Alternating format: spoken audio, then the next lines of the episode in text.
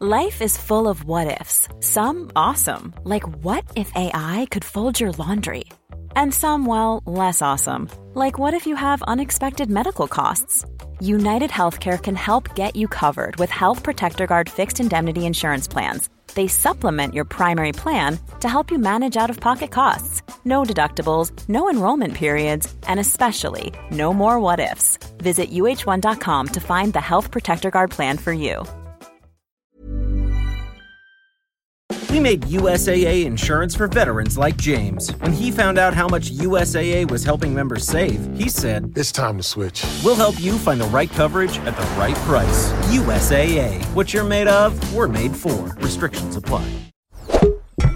Tony Media. Het is oorlog in Europa. Gaan we allemaal dood in een kernoorlog? Nee, ik denk het niet. Gaat deze oorlog de wereld veranderen? Dat weet ik zeker. In samenwerking met Dagblad Trouw probeer ik met deze podcast grip te krijgen op de oorlog. Hier houd ik je op de hoogte van de situatie in Oekraïne en Rusland. En dit gebeurde er op dag 119 van de oorlog. Rusland lijkt verder op te trekken vanuit Severodonetsk richting de stad Lysychansk. Deze stad ligt in de provincie Donetsk. Het doel van Rusland is waarschijnlijk om ook deze hele provincie te bezetten. De provincie Luhansk hebben ze nu praktisch in handen. Sinds 2014 is een deel uh, van Donetsk ook al door de Russen bezet. Nou, dit klinkt weer redelijk abstract allemaal. Soms is het goed om in te zoomen op een conflict en het menselijke verhaal niet te vergeten. Want hoe is het nou om in dit gebied te wonen, waar al wekenlang om wordt gevochten? New York Times had een prachtige reportage. Ze volgde een vrouw, Svitlana Zhivaga, die woont in Lysychansk en die boodschappen ging doen in Severodonetsk. Daarvoor moest je dus door de frontlijn wandelen en een van de drie opgeblazen bruggen oversteken. Ik had al eerder gehad over die bruggen die zijn opgeblazen. Eén brug, uh, ja, die is kennelijk niet helemaal kapot. Voor voetgangers is het nog wel te doen om over te steken. Al moest je dan met een ladder op de kapotgeschoten brug klimmen. Ze doet dan haar boodschappen op de centrale markt in Severodonetsk. Er is ook een markt aan haar kant, maar ze is nou eenmaal gewend om die boodschappen aan de overkant te doen. Dat er een oorlog woedt, heeft verder geen invloed op haar routines, kennelijk. En dat deel van de stad, uh, waar ze dus de boodschappen doet, is al helemaal in Russische handen. Ze koopt daar een zak aardappelen en een zak appels en steekt dan weer terug naar de overkant. Over een van de gevaarlijkste wegen van de wereld. Voor wat aardappels en wat appels. Die ze dus kennelijk ook in haar eigen stad kan kopen. En eenmaal terug zegt ze: Weet je, ik wil gewoon een normaal leven. Ik weet niet of de Oekraïners mij dat kunnen geven of de Russen. Dat is allemaal nog een grote vraag voor mij. Ik zet een link naar deze fascinerende reportage in de show notes. Intussen in het zuiden zou het Oekraïense leger de bezette stad Gerson tot op 15 kilometer zijn genaderd. Partizanen hebben daar opnieuw een aanslag gepleegd op een collaborateur met de Russen. Het gaat hier om het hoofd van uh, het dorp Tchernabayevka, waar een belangrijk vliegveld ligt. De man is gewond geraakt. Ook weer een aanval over de grens in Rusland. In de stad Rostov, 150 kilometer van het front. Dus het is echt een enorme afstand. Overigens de stad waar de pro-Russische president Yanukovych in ballingschap zit. Yanukovych is na een revolutie uit Oekraïne verdreven. In ieder geval, in Rostov werd een olieraffinaderij opgeblazen. Dat zou zijn gedaan door een drone van Oekraïnse makelij. Een zogenaamde kamikaze-drone die neerstort en ontploft. Dat is ook duidelijk te zien op videobeelden, gefilmd door Russen. Je hoort één Rus zeggen, zou het een Oekraïnse drone zijn? En de ander, nee joh. En even later ontploft dus de raffinaderij. Rusland maakte bekend het zogenaamde Safe City-project in te voeren in een aantal steden die grenzen aan Oekraïne, zoals Krasnodar, Voronezh en Belgorod. Het project kost 260 miljoen euro en wordt gebruikt voor onder meer surveillancecamera's en gezichtsherkenning. Hoe dat gaat helpen tegen een onbemande kamikaze-drone is mij niet geheel duidelijk. Het zou nog 18 maanden duren tot dit project is voltooid. Op de Russische socials was de consensus dat dit wel weer gewoon een of ander project zou zijn, nep-project zou zijn, waar het budget in de zakken van officials belandt. Gaan we door naar de Russische media. Een van de belangrijkste strijders tegen corruptie in Rusland, Alexei Navalny, leider van de oppositiebeweging in Rusland, die werd vorige week overgeplaatst naar een strengere gevangenis. Daar heeft hij de eerste reprimande al binnen, dat meldde hij op Twitter. De overtreding zou zijn gebeurd op de laatste dag uh, in zijn vorige gevangenis. Om half zeven ochtends, als alle gevangenen daar staan te wassen, stond Navalny daar in zijn hemd, terwijl hij volgens de regels in een gevangenisuniform had moeten staan. Tegen zijn volgers op Twitter zegt hij: Even dat jullie het snappen, om half zeven ochtends staat iedereen in t-shirt om zich te scheren en te wassen, maar ik ben eruit gepikt. Ik was kennelijk een gevaar in mijn t-shirt. Kennelijk is mijn t-shirt een gevaar voor de autoriteiten. Die reprimande is twee jaar geldig. En bij twee reprimandes kan hij in de isolatiecel belanden, waar het koud en nat is en waar gevangenen regelmatig doodgaan aan longontsteking. Of schrijft hij op zijn Twitter waar iemand makkelijk zijn nek kan breken door van zijn bed te vallen.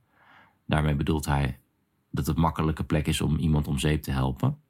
Ondanks alle repressie gaan de protesten tegen de oorlog in Rusland gewoon door. In Moskou stond een bijzonder dappere dodo voor de rechter. De rechtszaak was aangespannen tegen Alexei Garinov, een lid van een uh, stadsdeelraad in Moskou. In april was hij al opgepakt vanwege anti-oorlogsleuzen. En tijdens de rechtszaak in zijn kooi, want alle verdachten in Rusland zitten altijd in een kooi, liet Garinov opnieuw een protestbord zien met de tekst: Ik ben tegen de oorlog. Dat vind ik dus wel next level om een demonstratie te houden in de rechtbank. De letter Z, door het Kremlin gebruikt als symbool van het Russische leger, is op heel veel plekken opgedoken. Arbeiders die, uh, ja, uh, van een fabriek die in de letter Z staan of liggen, al dan niet in de sneeuw. Je hebt ze gezien in uh, kinderdagverblijven, op scholen. Iedereen doet eigenlijk mee om een wit voetje te halen bij de plaatselijke autoriteiten of de gouverneur of zelfs bij Poetin. En een herder in Dagestan, in de Caucasus, die moet hebben gedacht dat het hoog tijd werd om ook dieren van hun patriotische kant te laten zien. Op videobeelden zie je een kudde met schapen en op elk schaap is de letter Z gespoten. Op Russische telegramkanalen discussieerden mensen of dit nou een teken is van over de top patriotisme, wat echt Noord-Korea niet zou misstaan, of dat het juist een subtiel teken was van protest. Al die makke schapen met de letter Z erop. Kwamen ze niet helemaal uit. Oké, en dan nog dit. Dinsdag is het precies 60 jaar geleden dat Victor Tsoi werd geboren. Een van de oprichters van de band Kino, wat bioscoop betekent in het Russisch. Kino was enorm populair in de Sovjet-Unie. Het is ook een van de pioniers van de Sovjet rock. In de nadagen van de Sovjet-Unie was het eindelijk mogelijk om dit soort muziek te maken. En nog steeds is uh, de band enorm populair. Niet alleen in Rusland, maar ook in alle andere landen van de voormalige Sovjet-Unie. Die Tsoi heeft trouwens een interessante afkomst van zijn vaderskant. Zijn vader is etnisch Koreaans. In 1937 werden die Koreanen door Stalin gedeporteerd vanuit Siberië, waar een grote Koreaanse minderheid zat, naar de steppen in Kazachstan, waar ook eigenlijk helemaal geen voorzieningen voor ze waren. Uh, ja, weer is eigenlijk zo'n tragedie waar weinig mensen van weten. Tienduizenden Koreanen die kwamen om het leven door honger of kou of executies. De doorbraak voor Tsoi kwam met het album Grupa Kravi, oftewel Bloedgroep, uit 1987. En het is de eerste band die door de censuur kwam met een ja, westers geluid. En dat is misschien ook de reden dat hun werk enorm populair werd. Er kwam zelfs een speciale term voor, voor die ja, bijna hysterie onder de, onder de volgers, namelijk kinomania. Is een beetje vergelijkbaar met Doe maar, dan moet je je voorstellen dat voor Doe maar 50 jaar lang alleen maar albollige muziek werd gemaakt waar niemand naar wilde luisteren. Maar ze waren ook populair door de teksten. Tsoi die spoort de jeugd aan om het heft in eigen handen te nemen en het land te veranderen. Het is een beetje het startpunt geweest voor de glasnost, de periode van openheid. En dat geldt vooral voor het nummer Jdum Perimin, oftewel Wij wachten op verandering. Daar raakte hij dus echt een snaar. Twee jaar geleden, toen er massale protesten in Wit-Rusland waren, werd dit een beetje het protestlied van de oppositiebeweging. Het liep trouwens slecht af met Itzooi. Zoals een rockster betaamt, ging hij dood op jonge leeftijd. In zijn geval een auto-ongeluk in Letland. Hij was in slaap gevallen achter het stuur en Tsoi was 28 jaar oud. Maar goed, deze week zou hij dus 60 jaar zijn geworden. Er zou een festival in zijn naam worden gehouden in Moskou. Maar een plaatselijke bestuurder die stak daar een stokje voor. Hij vond de teksten aanstootgevend, vooral het nummer Peremin, verandering. Dus het festival werd afgelast. En ook bij de zogenaamde muur van Tsoi in het centrum van Moskou werden mensen opgepakt. Bij deze muur wordt Tsoi herdacht. Veel mensen leggen daar een uh, sigaret neer vanwege het populaire nummer Een pakje sigaretten. Echt een heel goed nummer. Ik zal even een link naar Spotify in de show notes zetten. Ja, die acties rond Tsoi die zeggen twee dingen. Aan de ene kant, de Russische overheid is bang voor zijn eigen burgers. Ze zijn doodsbang dat een klein protest uit kan groeien tot een nationale beweging.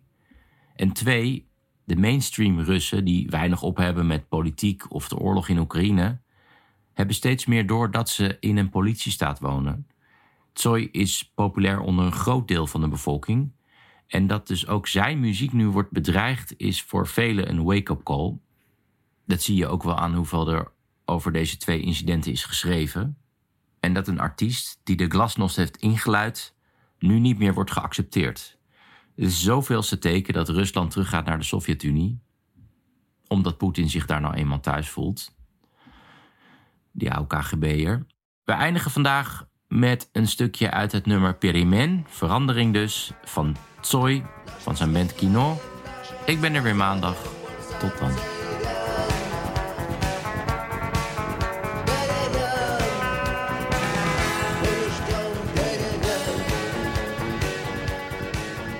Dit was een productie van Tony Media en Dagblad Trouw. Voor meer verdieping ga naar trouw.nl. Planning for your next trip?